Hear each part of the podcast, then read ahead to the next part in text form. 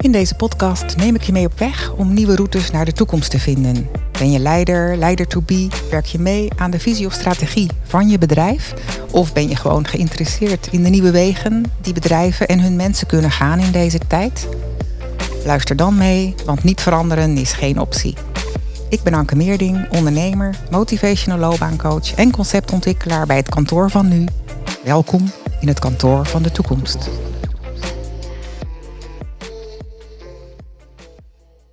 Mijn gasten zijn ondernemers uit het midden- of kleinbedrijf of inspiratoren. Zij kijken vanuit heel verschillende en onverwachte hoeken naar wat onze bedrijven en de mensen die daarin werken nodig hebben om te kunnen innoveren. Om jou te inspireren met nieuwe perspectieven en innovatie haalbaar te maken. Deze week hebben we Milena Grul, co-founder en CEO van Futureness. De afgelopen vijf jaar heeft zij gewerkt aan corporate ventures bij Shell. Welkom Milena. Misschien kun je beginnen met jezelf te introduceren want je hebt de afgelopen vijf jaar gebouwd aan corporate ventures bij Shell. Misschien kun je vertellen wie je bent en iets over je ervaring vertellen, zodat de luisteraars weten wie jij bent. Welkom Milena. Ja, ik, uh, nou ja, ik ben Milena. Ik ben um, uh, boven alles uh, vrouw en moeder van twee kinderen. En heb als baan inderdaad de afgelopen vijf jaar gehad het bouwen van corporate ventures. de laatste twee jaar waren bij Shell, maar de drie jaren daarvoor was dat vanuit een agency samen met andere corporates. En ja, in mijn rol is het eigenlijk altijd een beetje de bedoeling om aan het randje van die corporate te lopen, dichter bij de klant te staan en te kijken hoe kunnen we nou iets innovatiefs. En innovatief hoeft niet te zijn een enorm technisch nieuw ding of zo. Maar hoe kunnen we iets creëren wat dichter bij de klant staat, wat ook daadwerkelijk een oplossing voor hun probleem biedt, waardoor je als grote corporate relevanter bent voor je klanten. En dat zit hem uiteindelijk in vernieuwing, maar dat hoeft dus niet heel groot te zijn, dat kan ook iets heel kleins zijn. Als het maar dicht bij de klant staat en relevanter wordt voor de klant daardoor. En dat is wat ik de afgelopen vijf jaar heb gedaan.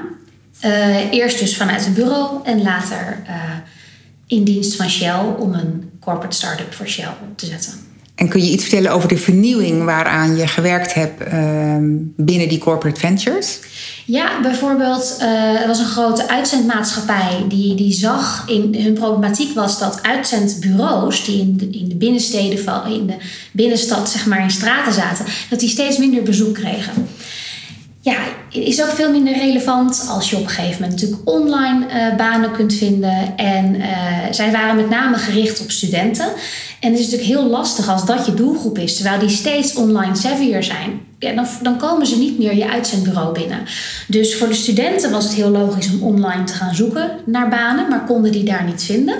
En tegelijkertijd waren er heel veel microbaantjes. En die microbaantjes waren niet heel erg vindbaar in de markt. Denk aan een barman die een extra hulp nodig heeft voor vrijdagavond. Die post die juist weer niet online. Dus er was een enorm gat uh, in de markt, zeg maar, tussen die microbanen en studenten die die wel online wilden vinden.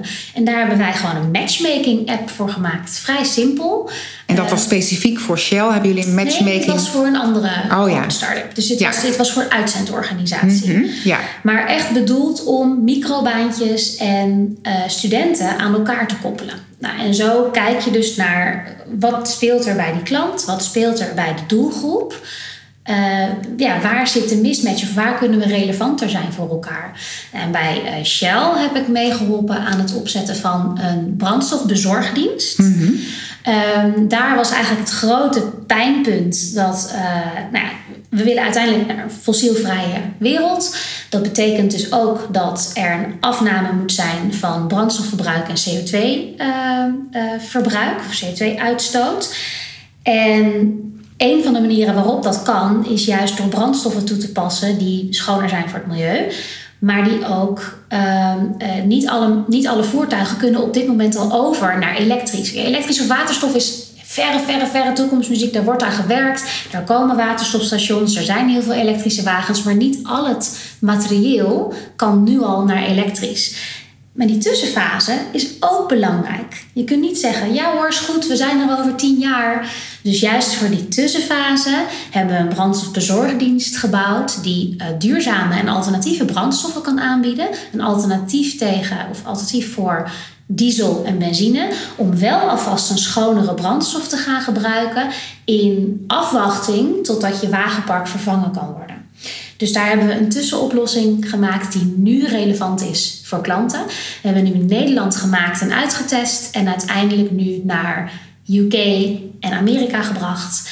Uh, en in Azië wordt er nog onderzoek gedaan of die daar ook naartoe kan. Precies, het is eigenlijk een oplossing voor de transitiefase. Transitieoplossing, precies. Ja. Het is niet de endgame. Het is niet waar uh, uiteindelijk een Shell of ook concurrenten van Shell naartoe gaan. Maar het is een tussenoplossing voor we bij het einddoel zijn. Precies. En ik hoor jou over verschillende onderwerpen. En een app die je gebouwd hebt um, en andere uh, ideeën over duurzame energie en tussenoplossing voor een transitiefase. Um, hou jij met een breed scala aan onderwerpen bezig? Ja, ik denk als je mijn cv bekijkt, dat je denkt: wat heeft die dame dan eigenlijk allemaal gedaan? Ik ben begonnen in telecom. En, uh, maar heb daarna bij HEMA gewerkt, waar ik weer op, uh, op online en fotografie uh, zat, op, op, fotoboeken. En hoe je nou mensen die steeds meer op hun mobiel bezig zijn, foto's kan laten ervaren. Uh, ik heb dus inderdaad voor een verzekeraar gewerkt, voor een bank gewerkt, voor een uitzendorganisatie. Uiteindelijk maakt het volgens mij niet uit wat het fysieke of feitelijke onderwerp is dat je verkoopt. Het gaat erom dat je luistert naar je klant, snapt in welke context een bedrijf opereert en probeert daar nieuwe verbindingen te leggen. Dat is voor mij innovatie.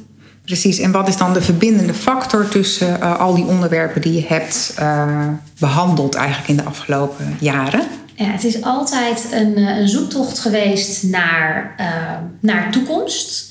Naar een manier om relevant te blijven voor klanten. Daar wel de juiste toepassingen of nieuwe toepassingen voor te gebruiken. Die ook passen bij de huidige maatschappij. Ik bedoel, uh, bij HEMA ging echt niemand meer een fotorolletje inleveren. Hè? Bij de balie, wat we misschien tien jaar geleden allemaal wel deden. Dus op het moment dat dat gedrag verandert en de maatschappij verandert en de iPhone komt eraan en uh, nou, we werken allemaal thuis of we zijn allemaal bezig met een transitie van fossiele brandstof naar duurzamere alternatieven, dan is dat wat op dat moment relevant is. En dan vind ik het het mooiste om daarmee in een bedrijfcontext en een klantcontext, om daar aan te werken, aan die relevantie. Precies, dus dat is eigenlijk de verbindende factor voor ja. je. Ja. Ja. En wat denk je dat op dit moment um, het meest nodig is voor bedrijven? Nou, daar hebben we toevallig ook net een beetje onderzoek naar gedaan uh, vanuit Futureness. Omdat wij uh, goed, ja, omdat we in, uiteindelijk, we kijken nu naar, naar bedrijven of we kijken naar de maatschappij en we zijn allemaal veranderd. Het heeft een enorm impact op ons gehad wat we de afgelopen zes maanden, zes nu? Zes hè? Ja, zes maanden hebben meegemaakt. En in basis betekent het dus dat het gedrag van mensen is veranderd en dat dus de het gedrag van bedrijven moet veranderen. En waar we voorheen heel veel zaten op harde skills en op uh, harde skillsets en harde dingen en KPI's die misschien aan het begin van het jaar nog in je jaarplan stonden. Nou, ik denk dat elk bedrijf dat hele jaarplan heeft weg kunnen gooien.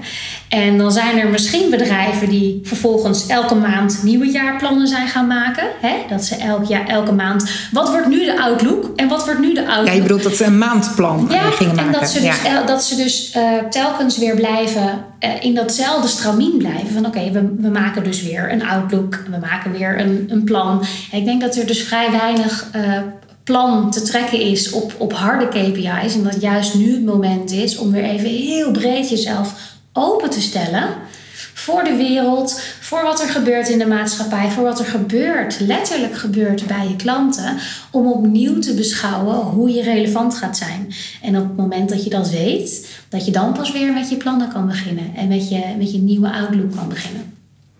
Dus eigenlijk een hele reset van de strategie van bedrijven. Ja, en natuurlijk zal niet elke strategie compleet omgaan. Ik bedoel, ik zeg niet dat je als uh, computerbedrijf nu opeens lollies moet gaan verkopen. Dat, dat, werkt ook niet.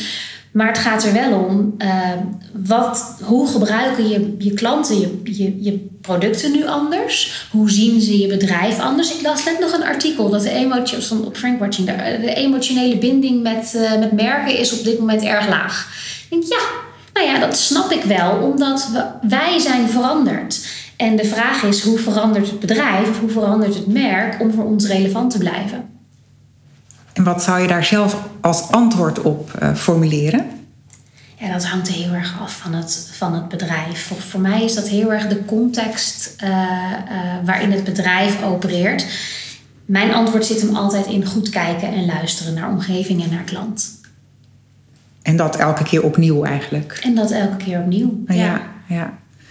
En um, hoe geef je dat op dit moment vorm in, in opdrachten waar je mee bezig bent?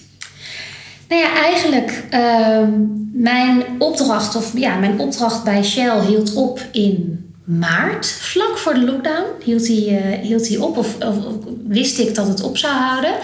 En um, toen sprak ik dus met twee partners die ik ook al eerder uh, in het zakenleven was tegengekomen. Ik ken ze niet, het zijn niet geen vrienden, maar het zijn zakenrelaties. En zij hebben een eigen brand marketing studio. Die heet Marketing Schmarketing.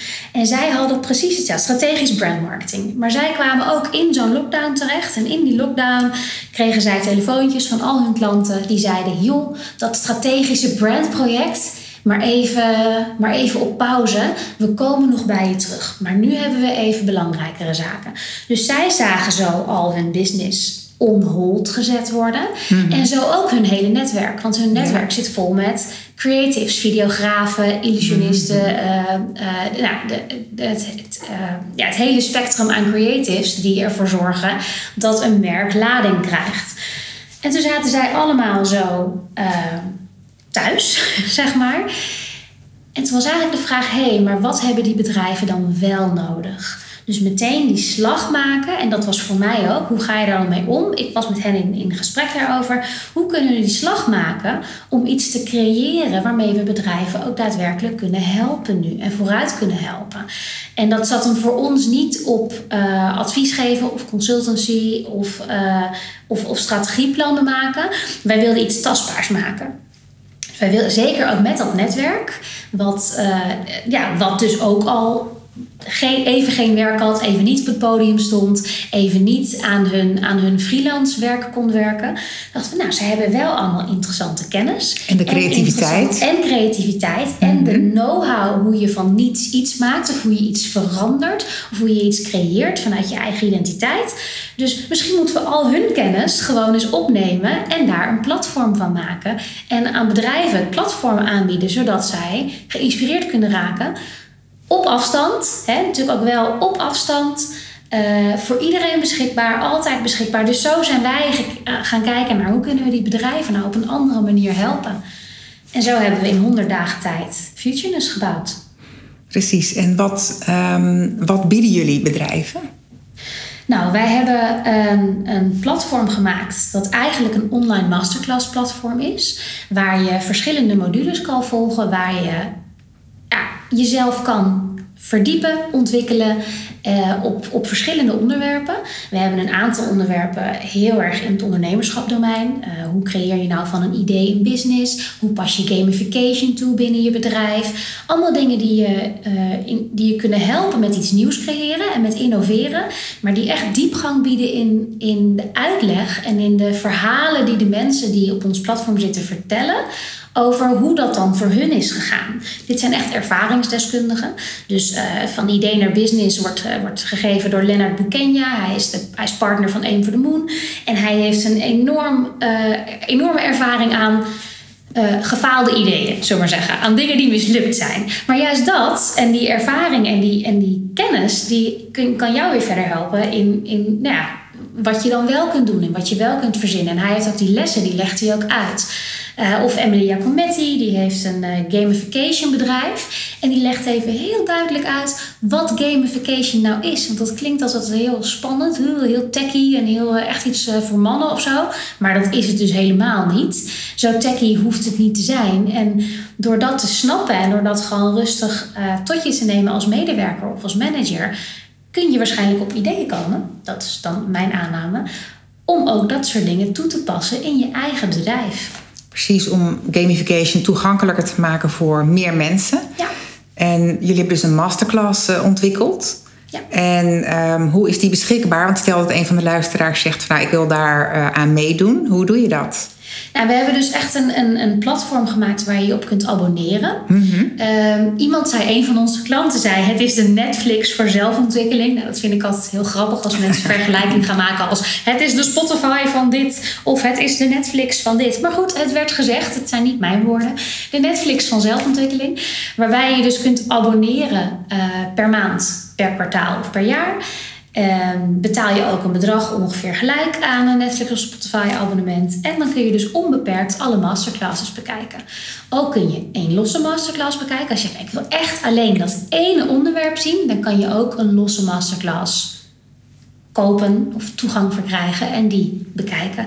En voor bedrijven hebben we bedrijfsabonnementen. En het kan op elk moment eh, starten? Ja, ja, dat is een kwestie van naar de website toe gaan. En op welke website kunnen mensen dat vinden? www.futureness.nl en futureness met dubbel S? Dubbel S, ja, futureness. Dat betekent eigenlijk de kwaliteit van de toekomst. Dat is heel grappig. Het betekent uh, dus de kwaliteit of de staat hoe de, van hoe de toekomst eruit ziet. En toen dachten we, ja, de kwaliteit van de toekomst, dat is ook wel iets waaraan wij willen werken. Door iedereen inspiratie en toegang te geven aan verschillende beelden. Want nou, jij vroeg net, wat, wat denk je dat mensen nodig hebben? Ehm, eh, je weet vast dat in, in, in, je, in je hersenen loop, lopen je hersenen lopen continu dezelfde paadjes af. Ik heb dat uh, het afgelopen lockdown ook voor mijn zoon heel erg opgezocht. Omdat blijkbaar tot het achtste levensjaar is het nog mogelijk om die paadjes te beïnvloeden. En daarna zijn er al een aantal paden ingesleden. En dat is de manier waarop je denkt. Dat is de manier uh, hoe je reageert voor het eerst op bepaalde hoe je leert. onderwerpen. En hoe je leert. Dat zit allemaal tot dat achtste levensjaar. En hij werd net, uh, hij was zeven toen de lockdown begon. Dus oh, het is interessant voor mij om ook te kijken naar hoe ik hem kan helpen. En die paadjes die worden dus uh, gelegd. En daarna wordt je, wordt je brein wordt lui. Je brein, je brein blijft voor eeuwig diezelfde paadjes aflopen op het moment dat, dat er iets op je afkomt. Tenzij je jezelf letterlijk, dit is letterlijk ook bewezen, geloof de Universiteit Leiden heeft een onderzoek naar, eh, over gepubliceerd, ook tijdens de lockdown. Letterlijk het zien van andere beelden en andere rolmodellen. En even andere onderwerpen tot je nemen. En niet om iets te leren, niet om rijtjes te leren of om, om even een, een, Engels, eh, een Engels rijtje toets te doen of, of een nieuwe taal te leren. Maar letterlijk die inspiratie tot je te nemen. Andere beelden, andere rolmodellen, ander taalgebruik. Zorgen ervoor dat je hersenen die andere paadjes gaan maken. Dus letterlijk open komen te staan voor andere ideeën omdat niet datzelfde paadje meer bewandeld wordt, maar er nieuwe paadjes ingesleten worden. Nou, dat zit heel erg in neurolinguistisch programmeren. En dat is eigenlijk de basis van de masterclasses geworden. Dus ehm, ja, omdat ik daar dus echt in geloof. Dat, dat we dus die medewerkers van bedrijven kunnen helpen. Dus het bedrijf zelf heeft een andere strategie wellicht nodig. Hè? Met andere KPI's en moet even goed bedenken waar ze naartoe gaan. Maar die medewerkers zijn het kapitaal. De medewerkers zijn de mensen die het moeten doen. En als we hen nieuwe paadjes kunnen aanleren, dan gaan zij allemaal stuk voor stuk ondernemender en creatiever worden. En dus ja, iets voor elkaar krijgen. Dat geloof ik echt heilig. Ik, bedoel, ik kan er ook uren over door blijven praten, maar ik geloof dit echt. En hoe denk je dat mensen, um, dat medewerkers dat kunnen leren? Ja, ik zeg natuurlijk dan heel commercieel door naar ons platform te gaan. Maar door zich vooral te realiseren dat inspiratie komt uit andere hoeken. En dat een, um, een van onze klanten, of een van onze gebruikers, die zei: Ik vind het zo verfrissend dat er uh, zoveel verschillende mensen als rolmodel op het platform staan, als expert van hun vakgebied. En dat zie je niet vaak. Ik bedoel, uh, kijk even naar een gemiddeld platform waar je een spreker kan boeken of waar je een, een, een cursus of een les kan volgen. Dan zie je eigenlijk altijd wel hetzelfde type persoon. En hetzelfde type persoon met dezelfde boodschap, dat is precies dat paadje waar je al, wat al op je afkomt, wat je al kunt kaderen en waarvan je eigenlijk uiteindelijk niet meer echt leert, omdat je onbewuste brein zegt: Oh, ik word hier lui van. Oh, dit is hetzelfde wat ik al eerder gehoord heb. Oh, ik klik het weer weg. En dan worden we lui en ongeïnteresseerd en dan kijken we dus niet meer verder. Maar op het moment dat het even buiten je kader is, dan ga je het weer tot je nemen.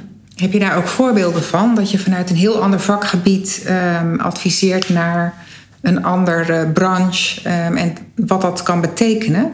Nou, ik vind een heel mooi voorbeeld dat Vera is mijn. Uh, Vera en Leroy zijn de, mijn co-founders, die dus zelf een eigen brand agency, marketing, marketing hebben. En uh, Vera gaf een voorbeeld uh, van een wetenschapster. Nou weet ik even haar naam niet meer, dat is heel jammer. Maar zij, had, zij was bezig met een veilige manier om, om kinderen ter wereld te brengen. Dus zij zat in geneeskunde en zij was bezig met geboorte en hoe dat veilig kan voor, voor zowel moeder als kind. Dus erg, was heel erg op zoek naar, naar uh, ja, reduceren. En er was een wetenschappelijk probleem. En dat was, uh, nou, er was een gla glazen vaas en er zat iets in die vaas. En het was de uitdaging om het item dat in de glazen vaas zat eruit te halen zonder het item te breken en zonder de glazen vaas te breken. Nou, er is op een gegeven moment een wiskundige formule of een wetenschappelijke uitslag over gekomen over hoe je het beste dat item uit die glazen vaas kon trekken zonder de vaas kapot te maken en zonder het breekbare item kapot te maken. In essentie is dat hetzelfde probleem als wat je hebt met moeder en kind. Je hebt een moeder die moet beschermd worden, je hebt een kind dat moet beschermd worden. En uiteindelijk heb je dus een oplossing nodig om uh, kind uit moeder te krijgen.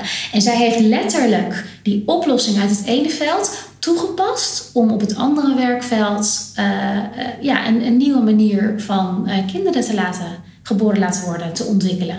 Dat vind ik dus zo knap, dat je, dus, dat je die link legt van hé, hey, maar dat, nou, die breekbare vaas, dat is die moeder. En als dat zo werkt daarvoor, dan zijn dat dus de paadjes. Door, door te lezen buiten je eigen gebaande paden, kun je dus op nieuwe ideeën en oplossingen komen waar je nog niet eerder aan had gedacht. Nee, precies. Dus waardoor je eigenlijk uh, oplossingen uit het ene vakgebied toepast op een ander vakgebied en dan kijken hoe dat uitpakt. Ja. Ja, en ik vond dat echt een hele mooie, omdat het ook zo maatschappelijk relevant is. Dat je, ja, inderdaad, ik probeer, ik probeer een moeder te beschermen. En jij probeert een vaas te beschermen. En dat is hetzelfde. Dat is een mooi voorbeeld. En kun je nog iets meer vertellen hoe je, um, hoe je eigenlijk de toekomst ziet die je met Futureness zou willen bewerkstelligen? Ja, nou, wij hebben vanuit onze uh, uh, visie op persoonlijk leiderschap en ook onze visie op persoonlijke ontwikkeling, is dat dat voor iedereen beschikbaar moet zijn ik weet nog wel, dat is, het is absoluut geen, uh, geen slecht woord over KPN. Ik heb daar een toptijd, uh, begintijd van mijn carrière gehad. Maar ik weet wel dat het in hokjes verdeeld was. We hadden een hokje Talent Development Program, daar zat ik in. Uh, en elk jaar werd opnieuw bekeken of ik daar nog steeds geschikt voor was. En er was een groep mensen die was ja, niet talent development, maar had, had, had, had een opleidingsbudget. En er was een groep mensen die had daar minder van of die had dat niet. En zo waren er dus altijd, was er dus uh, verdeeld uh, welke kansen je hebt tot kennisontwikkeling en welke, welke toegang je hebt tot kennis. En dus tot het verbreden van je, van je mindset en het verbreden van, van je, je kijk op dingen en de inspiratie die je vandaan haalt. Ik zeg absoluut niet dat het nog steeds bij KPN zo is, want dat weet ik helemaal niet. Ik weet alleen dat tien jaar geleden, dat, oh, 15 jaar geleden, dat zo was. En dat, dat, uh, dat het zonde is. Want uiteindelijk als, als je met elkaar groeit en je met elkaar aan hetzelfde onderwerp werkt, dan groei je dus met elkaar. Dat voor iedereen die kennis toegankelijk is. Ja, en als je um, uh, een, een harde KPI-skill zit hem heel erg op leiderschap, op het moet een bepaald certificaat halen, of een bepaalde ervaring aantonen, of een bepaald diploma hebben. Of, hè, nou, ik, ik bedoel, ik, ik heb die Red Race ook gedaan, ik heb ook de MBA gedaan, en ik ben naar INSEAD geweest, en naar Wharton geweest, en Scrum Master en Product Owner. En dan ben je al die certificaten aan het halen. En uiteindelijk um, gaat het er volgens mij meer over dat je groeit. En als je niet de certificaten of de diploma's centraal stelt, maar je stelt groei en persoonlijke groei centraal, dan groeit alles in je leven mee. Want als jij groeit, groeit alles wat je aanraakt ook. Dus als we groei centraal zetten en, en kennis dus breed, kennis en mindset vooral kennis, uh, breed toegankelijk maken voor alle medewerkers, dan geloof ik echt dat iedereen kan groeien. Dus onze visie op, op persoonlijk leiderschap en ook op, op persoonlijke ontwikkeling is dat als je breed toegang tot veel mensen, uh, brede toegang tot kennis geeft aan een grote groep mensen, dat iedereen ja, elke dag beste versie van zichzelf kan nastreven. En elke dag een beetje beter wordt. Dus iedereen eigenlijk uh, leiderschap heeft over zijn eigen. Ja. Ja, en ik moet zeggen, dat is ook echt niet wat ik tien jaar geleden dacht. Hè? Want toen zat ik in dat ene groepje en dan word je ook heel erg ja, unconscious bias. Dat je dus denkt, ik zit in dit groepje. En dit groepje is echt fantastisch. Maar, en, en wederom, dat was het ook. Ik heb een toptijd gehad. Ja, en dan maar, bedoel je een groepje met high potentials... Die, ken, die eigenlijk toegang heeft tot alle kennis. Die, maar we hadden, we hadden toegang tot heel veel. En mhm. daardoor konden wij mhm. ook heel hard groeien. En dat gun ik eigenlijk veel meer mensen. Mhm. En dat waren, ook, eh, dat waren ook niet per se... Uh, uh, toegang tot cursussen of kennis of certificaten. Maar dat waren juist toegang tot de persoonlijke ontwikkeling, persoonlijke leiderschapscursussen. Uh, juist toegang ook tot mentoren die je, die je uit een heel ander werkveld iets kunnen vertellen. Dus dat in het groot is eigenlijk, of andersom, dat in het klein is Fusionist in het groot. Uh, ja, dat, het dus, dat al die mensen hun, hun, hun kennis en kunde op een videomasterclass hebben gezet, die perfect gestructureerd is, zodat iedereen dit tot zich kan mhm. nemen. Ja. Futurist is eigenlijk ook um, jou, samen met je collega's, jouw oplossing voor uh, deze tijd waarin we nu leven, voor na corona. Ja, ja, en ik zeg ook niet dat het de enige oplossing is, maar wij vinden het natuurlijk een hele mooie oplossing, omdat. Uh, uh, ja, omdat je dus leert van andere mensen, je leert van bedrijven. Uh, je leert van fouten die gemaakt zijn, maar je leert ook doordat je dus die, die feitelijke beelden ziet en dat die beelden dus anders zijn dan wat je normaal gewend bent te zien. Ik bedoel, wij hebben een, uh, een masterclass van The Drag Agency op het platform staan. Super relevant over, over stage presence en over hoe je je eigen superheld kan creëren in jezelf en zelfvertrouwen daarin. En dat ook uh, als stage presence dus ook beter naar buiten kunt brengen. Uh, of, of Mandy en Roos over, over creëren vanuit je eigen identiteit. Dat zijn hele specifieke lessen die echt diepgang bieden, die je verder kunnen helpen. Maar die niet gaan over hoe goed jij bent in Excel voor gevorderden. Of elk ander programma waar je een certificaat voor moet halen. Ja, daar zijn, daar zijn genoeg andere platforms voor. En als je echt harde skills wil leren, moet je lekker daar naartoe gaan. Ik geloof ook absoluut dat daar waarde in zit uh, tijdens deze, deze crisis, maar ook daarna. Hè. Ik bedoel, er zijn genoeg mensen die moeten omscholen of die op zoek gaan naar iets anders en die daar natuurlijk een harde skillset voor nodig hebben. Maar ik denk dat de tegenhanger daarvan is dat je ook een mindset shift kunt gebruiken. En dat zit hem op wie je bent, hoe je, hoe je creëert, ehm, ja, wie je wilt zijn. Dus eigenlijk is Futureness een leer- en ontwikkelplatform voor leiders en leiders to be, maar eigenlijk voor iedereen die wil leren. Ja, iedereen die wil leren. Het is wel leuk om te zien. Ik bel echt alle klanten nog. Uh, iedereen die zich aanmeldt op het platform, bel ik zelf. Eén op één. Hey, hi, met Milena. Je kent mij niet, maar ik ben de oprichter van Futureness en ik wil heel graag weten wat je ervan vindt. Nou, dat zijn de leukste gesprekken, omdat het loopt zo ontzettend uiteen waar mensen vandaan komen en wat hun beweegreden is om, om een masterclass te bekijken, om aan zichzelf te werken. Of soms is het heel functioneel. Ik ben op zoek naar inspiratie om mijn eigen stijl te ontwikkelen. Maar soms is het heel, uh, heel breed. Ja, ik zit in een heel strak vakgebied. Uh, in een vakgebied dat, dat mij, nou ja, uh, bijvoorbeeld geneeskunde is iemand die ik heb gesproken. Dus ik zit zo strak in dat geneeskunde en dat is zo ontzettend op dat onderwerp gericht. Maar ik wil meer. Ik wil meer, ik wil meer, ik wil bredere inspiratie. Ik wil meer verhalen horen en meer zien, zodat ik ook een ja, meer allround persoon word. Vond ik heel bijzonder om te horen. Nou, zeker. En kun je aangeven welke doelgroepen je nog meer bereikt met uh, dit platform? Nou, wat opvalt is dat we een, een grote groep uh, ZZP'ers mm aanspreken. Ja. Ik denk, wederom, het is een aanname, maar ik denk dat dat, dat, dat is omdat uh, een ZZP'er niet vanuit zijn werkgever toegang krijgt tot, uh, uh, tot opleidingsbudgetten. Hè. Die zijn natuurlijk zelf verantwoordelijk voor het doorontwikkelen of zichzelf ontwikkelen. En, uh, en dat mindset daar dus een interessante tegenhanger is uh, ten opzichte van skillsets. Dus dat is, dat is mijn aanname. Maar we zien vooral veel jonge mensen. Dus in de leeftijdscategorie 25 tot nou, 35. Ik moet eerlijk zeggen, we vragen leeftijd niet uit. Dus het is een beetje een gok hoor. Maar als ik dan even zo de mensen die ik heb gesproken en waar ze mee bezig zijn, of, of in welke baan zij zitten, in welke fase, dan is dat mijn aanname een beetje.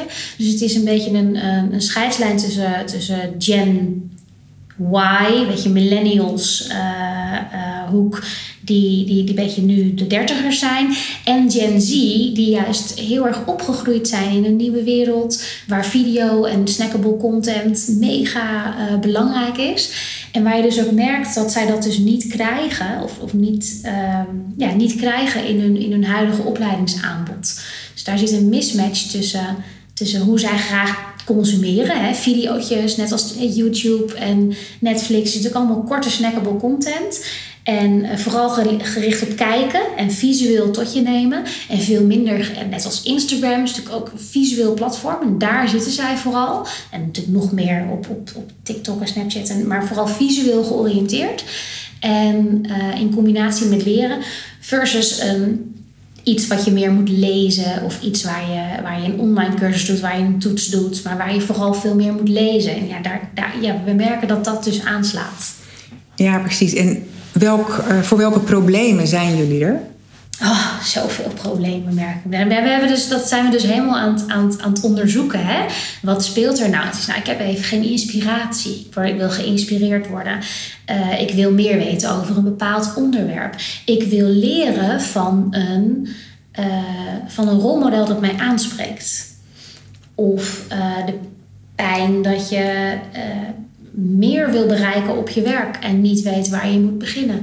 Je graag met je eigen idee aan de slag zou willen binnen je bedrijf, maar eigenlijk niet weet hoe je je bedrijf moet activeren om met jouw idee samen aan de haal te gaan. Dus het zijn, het zijn eigenlijk allemaal kleine ja, microproblemen die je merkt, maar het betekent dus uiteindelijk ja, een soort van frustratie omdat je stilstaat of ergens tegenaan loopt en je weer even een stap terug moet zetten om je breder te breder te inspireren, te laten inspireren, zodat je weer verder vooruit kunt kijken. Precies. Dus dit is eigenlijk, uh, Futureness is de vernieuwing uh, die je tot stand hebt gebracht in deze tijd.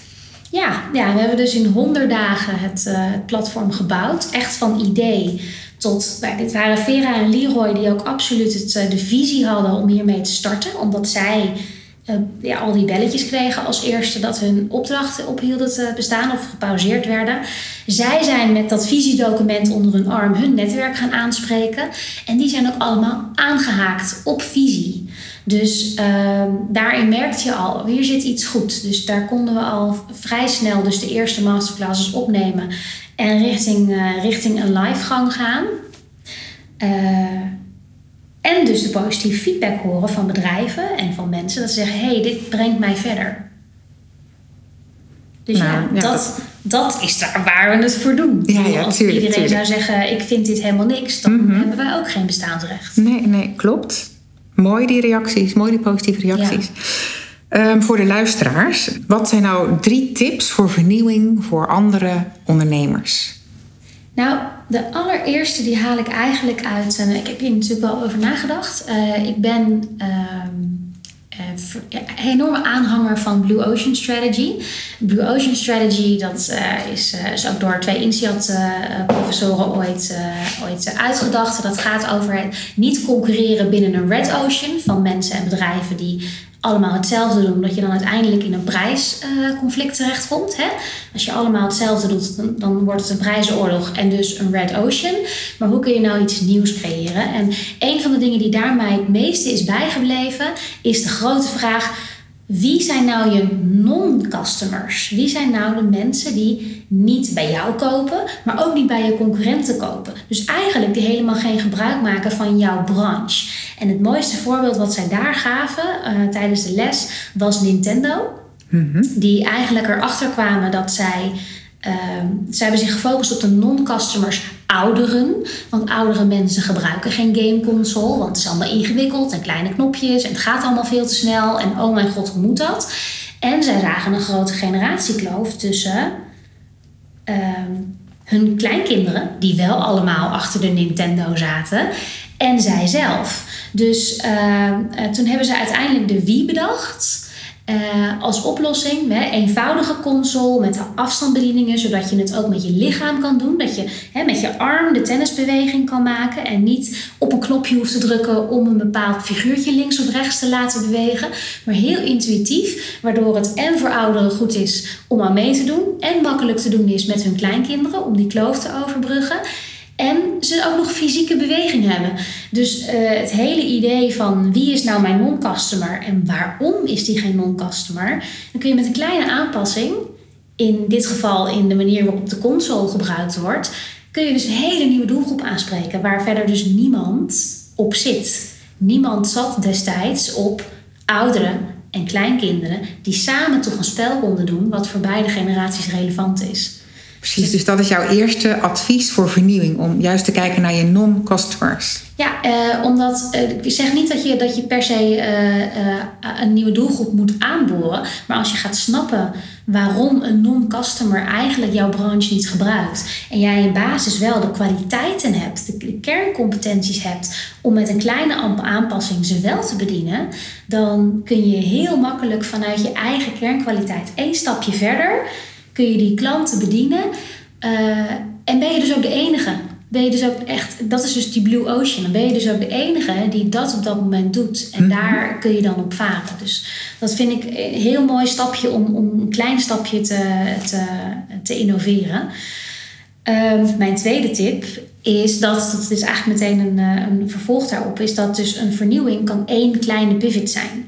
Je hoeft niet meteen de nieuwe Uber te bouwen of de nieuwe Spotify te bouwen. Of de, kijk nou maar naar Futureness. Wij gebruiken eigenlijk heel veel bestaande technologieën en heel veel reeds bewezen uh, oplossingen. Want uh, Netflix bestaat al, Masterclass bestaat al, uh, online leren bestaat al, video's bekijken bestaat al. dus, dus heel veel bestaat al. En is ook al bewezen, maar breng het samen en je creëert iets nieuws. Dus één kleine, één kleine pivot, en of dat nou is, ik ga van, naar, naar. Wat bedoel je met een pivot? Oh, een, een, een pivot is uh, zeg, een enorme Sean Ellis term. Dat is een term uit, uh, uit de startup community, uit, uit de lean startup community, waar je een kleine verandering maakt, waar je eigenlijk telkens net als je kantelt, pivoten is kantelen, om op zoek te gaan naar die relevantie voor de klant. En een kanteling kan zijn dat je een andere technologische oplossing gebruikt, zoals bij Nintendo, dat je net een andere, uh, andere toepassing gebruikt waardoor het werkt. het kan zijn een klantsegmentverandering, dat je je nu richt op consumenten, maar dat je eigenlijk met een hele kleine aanpassing ZZP'ers of kleinzakelijke bedrijven makkelijk aan je portfolio kan toevoegen. Uh, het kan ook een, uh, een channel pivot zijn. Dat je zegt, ik verkoop nu eigenlijk altijd alles via kanaal X, via een, uh, een verkoper die op bezoek gaat bij mijn, bij mijn klanten. Maar misschien kan ik daar ook wel een online module bij zetten. Of misschien kan ik een marktkraam maken. Of misschien kan ik, hè, dus dat je een andere, andere outlet zoekt die, die dichter bij, bij je klant staat of bij je doelgroep staat. En zo, uh, of ja, product value. Nou, zo heb je allerlei pivots. Ik zou het vooral een keer opzoeken. Sean Ellis, uh, groot fan. Mm om te kijken hoe je dus met een kleine aanpassing het gevoelsmatig iets heel nieuws aan het doen bent. Dat hoeft dus niet meteen een, een heel nieuw bedrijf en een nieuw, nieuw product te zijn. Precies, waardoor het ook haalbaar is voor, voor luisteraars die denken van hé, hey, ik wil wel een verandering, maar ik wil ook houden wat ik heb. En je zult ook moeten houden wat je hebt. Wat ga je doen dan? Vandaag je, huidige bedrijf sluiten en tegen al je klanten zeggen: hé, hey, ik lever niet meer, want ik ga iets nieuws beginnen. Nee, dat doet natuurlijk niemand. Maar uh, juist uh, vanuit je bestaande klanten iets nieuws toevoegen kan uh, relevant zijn, waardoor je weer extra omzet ook uit je bestaande klanten kunt halen, doordat je net even iets nieuws biedt wat voor hen op dat moment een oplossing voor een probleem is. En als je dan denkt nu aan uh, bijvoorbeeld de sectoren die echt enorme verliezen leiden, zoals de reissector, uh, retail ja, en de horeca. Heb je daar bijvoorbeeld um, heb je daar zo'n idee voor? Nou, ik, uh, ik vind Bierwolf altijd een mooi voorbeeld. Omdat ik, ik heb toevallig in het kantoor naast hen gezeten. Dus ik heb ze ook van dichtbij opgebouwd zien worden, zeg maar. En dat is natuurlijk... Bierwolf is een online bierverkoop kanaal van Heineken. Het is een corporate start-up, maar vanuit de gedachte, we gaan speciaal biertjes, iets waar, waar Heineken niet de grote corporate omzet mee haalt, gaan we ook nog eens op een andere manier verkopen. We gaan die niche in en we gaan het online aan de man brengen. En die hebben daar een hele mooie propositie omgebouwd, waarbij ze dus ook, weet je, waar ze kijken naar pakketten en waar ze ook goed kijken naar wat werkt er nou en wat werkt er niet. Maar ze hebben uiteindelijk een klein verkoopkanaal erbij gezet. Wat nu wereldwijd uh, mega volgens mij is. Als ik het uh, allemaal zo uh, volg en lees. Maar het begint met ietsje ander assortiment, ander verkoopkanaal, omdat ik daarmee een andere doelgroep kan bedienen. Maar wel met de kracht van het distributiekanaal, de kracht van, van de corporate erachter, met de denkwijze en de kennis die ze al hebben van die hele industrie. dus je precies. kunt heel veel kennis gebruiken om iets klein nieuws te beginnen. Je bouwt eigenlijk een, een nieuw merk, um, een nieuwe voordeur. Een nieuwe voordeur. Met daarbij gebruikmakend de hele organisatie die je al hebt staan. Ja. Maar waarbij je wel een nieuwe look en feel kunt creëren. En met die nieuwe look en feel kun je een heel andere doelgroep bereiken. Ja, ja, en zeker, ik bedoel, uh, ik, ik kan me niet voorstellen hoe ongelooflijk moeilijk het op dit moment is voor horecabedrijven, voor, uh, maar voor alles in de culturele sector om überhaupt het hoofd boven water te houden. Dus ik wil ook absoluut niet pretenderen dat ga maar gewoon iets nieuws doen. Dat, dat, dat, dat is heel makkelijk gedacht. Want je hebt nou eenmaal je bestaande lasten en je hebt, uh, uh, en daar komt, komen die inkomsten niet op binnen. Hè? Dus ik kan me niet voorstellen hoe ongelooflijk vervelend het is om op dit moment daarin te zitten. En tegelijkertijd zou ik toch ook die bedrijven adviseren: stap even terug. Stap even terug uit je dagelijkse, uit je dagelijkse ja, stress die je eigenlijk hebt. Om te kijken wat er ook gebeurt aan, aan klantzijde. En aan jouw gebruikers gebruiken jouw dienst nu ook niet meer. Maar die balen daar ook van. Weet je wel? Als we, dat wij niet meer naar theater kunnen, vind, vinden ook wij vervelend. Uh, dat wij niet meer uh, naar het terras kunnen. Of, of nou, amper naar het terras van de kroeg kunnen. Vindt ook de eindgebruiker uiteindelijk heel erg vervelend. Dus wat zit daarin wat je kunt doen om toch uh, ja, met elkaar hier doorheen te komen? Aan die behoefte die wel bestaat, ja. uh, misschien een ander aanbod in ja. te creëren. Ja. En je derde punt? Ah, mijn derde punt is ga vooral naar buiten. En dat is natuurlijk helemaal tegen wat, wat, wat de richtlijn is. Hou het absoluut op anderhalf meter afstand. Maar uh, inspiratie ontstaat door met anderen te gaan praten. Ik heb de afgelopen maanden ben ik alleen maar allemaal bedrijven aan het afgaan en, en aan het luisteren. Aan luisteren naar waar zijn jullie mee bezig? Waar loop je tegenaan? Uh, innovatie of inspiratie komt niet acht hoog uh, of uh, in een kantoorgebouw achter je laptop in die cubicle met de schermen waar ook nog eens niemand bij je mag komen. Want dat isoleert volgens mij alleen maar. En zeker in het nieuwe, nieuwe werken, waarbij we thuiswerken als basis beschouwen en het kantoor meer beschouwen als ontmoetingsplek, um, is dat natuurlijk stap 1, dat je met je collega's in gesprek blijft en elkaar blijft uh, verhalen vertellen en inspireren, maar ook om dat daarbuiten te doen. Dus uh, ik doe dat veel met online seminars, webinars. ik connect veel met mensen via LinkedIn. Ik nee, nou ik log op alles in waar ik op in kan loggen, waar maar een verhaal verteld wordt, omdat ik het interessant vind en ik ook geïnspireerd wil blijven door al die ideeën. Dus als je niet fysiek naar buiten kan, ga dan vooral in ieder geval met je geest naar buiten. En uh, ja, het begint uiteindelijk met degene die je, je doelgroep, degene die je wilt bedienen. Als je snapt wat daar speelt, wat er aan de hand is, welke, welke issues er leven, dan kun je daar misschien een oplossing voor verzinnen. Mm Oké. Okay. Heb je voor jezelf een quote die dit allemaal uh, samenvat? Oh, een quote die het samenvat. Um, even goed nadenken. Ja, uiteindelijk denk ik dat uh, je bent maar één inzicht verwijderd van innovatie. Oké, okay, ik vind dat een hele mooie afsluiter. Dankjewel Milena en heel veel succes met Futureness. Dankjewel. Dankjewel. Juist buiten de gebaande paden vind je de mogelijkheden voor innovatie. Op de gebaande paden moeten we ons zo aanpassen. Ik voel me daar niet zo bij op mijn gemak. We zijn gewoon te uniek en er zijn unieke paden buiten de gebaande paden die ons veel meer maatwerk leveren en die ons verbinden met de natuur en met elkaar. Ik denk dat innovatie de mensheid helpt unieke oplossingen te vinden. Als die positief worden ingezet en niet de natuur verwoesten, want dan, dat keert zich tegen ons en dat zie je nu gebeuren, en mensen helpt weer in verbinding te komen met elkaar, kunnen we bouwen aan een positieve toekomst. Je kunt groot denken en klein beginnen. Met deze podcast wil ik bedrijven en hun mensen inspireren groot te denken en handreikingen en stappenplannen geven om klein te beginnen. Innovatie hoeft gewoon niet moeilijk te zijn. Met deze podcast wil ik bedrijven in het midden- en kleinbedrijf innovatietips geven en mijn e-book, de Innovatie Toolbox, aanbieden. Met daarin een zeven stappenplan hoe je jouw medewerkers leert zelfstandig te innoveren. Zo leer je voorop te lopen in je markt en creëer je meer succes, groei en winst. Zo is innovatie niet alleen high-tech, maar ook goed voor mensen, water en groen. Door wendbaarder te worden, leren we omgaan met onzekerheden en vinden we nieuw perspectief. Zo is innovatie geen eenmalige actie, maar een duurzaam en integraal onderdeel van je bedrijfscultuur. Dat merken je medewerkers, maar dat zien ook je klanten. Zo ben je wendbaar en kunnen je bedrijf en je medewerkers flexibel meebewegen met de ontwikkelingen. Ik geef ze je cadeau. Download het e-book www.hetkantoorvannu innovatietoolbox. Innoveer en vergroot je bestaansrecht. Ik wens je voor nu een hele mooie dag. Dank voor vandaag en tot volgende week bij de gloednieuwe podcast van Kantoor van de Toekomst.